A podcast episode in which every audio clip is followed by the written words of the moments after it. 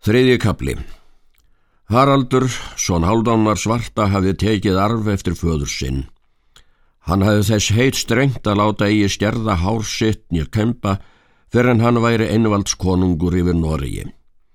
Hann var kallaður Haraldur Lúfa. Síðan barðist hann við þá konunga er næstur voru og segraði þá og eru þar langar frásagnir.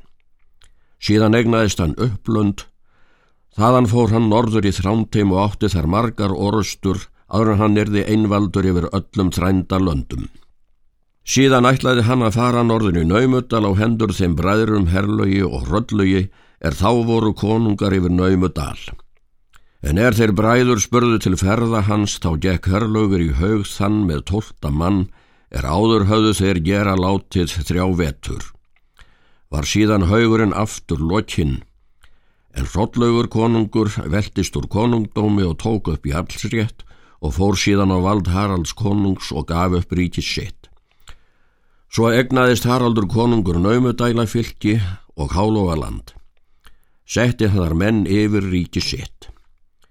Síðan bjóst Haraldur konungur úr drámteimi með skipaliti og fór söður á mæri, átti þar orustu við hundsþjókonung og hafði segur. Fjall þar hundþjófur. Þá egnaðist Haraldur konungur Norðmæri og Raumsdal.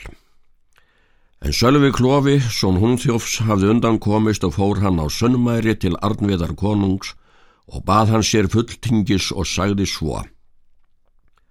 Þó þetta vandræði hafi nú borið oss að hendi, þá mun eigi langt til að sama vandræði mun til yðvar koma, Því að Haraldur ætla ega skjóttmunni hér koma þá er hann hefur alla menn þrælkað og áþjáð sem hann vill á Nordmæri og í Römsdal.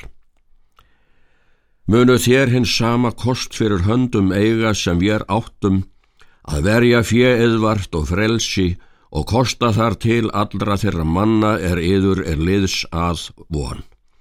Og vilju bjóðast með liði mínu mót þessum ofsa og ójafnaði. En að öðrum kosti munu þér vilja taka upp það ráð sem að naumdalar gerðu að ganga með sjálfvilja í ánöð og gerast þrælar Haralds. Það þótti föður mínum sigur að deyja í konungdómi með sæmt heldur en gerast undir maður annars konungs á gamals aldri. Hygg ég að þér muni og svo þykja og öðrum þeim er nokkurir eru borði og kapsmenn vilja vera.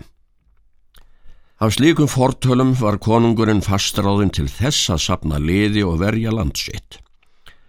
Böðu þeir sölvi þá samlagsitt og sendu orð auðbyrni konungi er réði yfir fyrða fylki að hann stildi koma til móts við þá. En er sendimenn komu til auðbjarnar konungs og báru honum þessa orðsending, þá réðst hann um við vini sína og réðu honum það allir að sapna liði og fara til mótsveið mæri sem honum voru orð til send. Auðbjörn konungur létt stjera upp herur og fara herbóðum allt ríki sitt. Hann sendi menn til ríkismanna að bóða þeim til sín.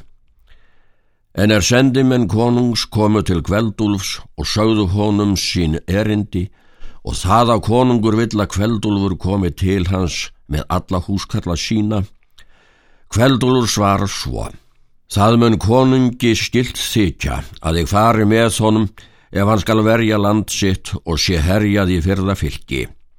En hitt ætla ég mér all óskilt að fara norður á mæri og berjast þar og verja land þeirra. Er yfir það skjótast að segja, þá er þér hittið konungið varn, að kveldulfur mun heima sitja um þetta herrlaup og hann mun eigi herliði sapna og eigi gera sína þá heimannferð að berjast móti Haraldi Lúfu því að ég hygg að hann hafi þar byrði nóga hamingu er konungur orð hafi eigi krepping fullan. Fóru sendimenn heim til konungs og sögðu honum erindislokk sín en kveldulfur satt heima að búum sínum.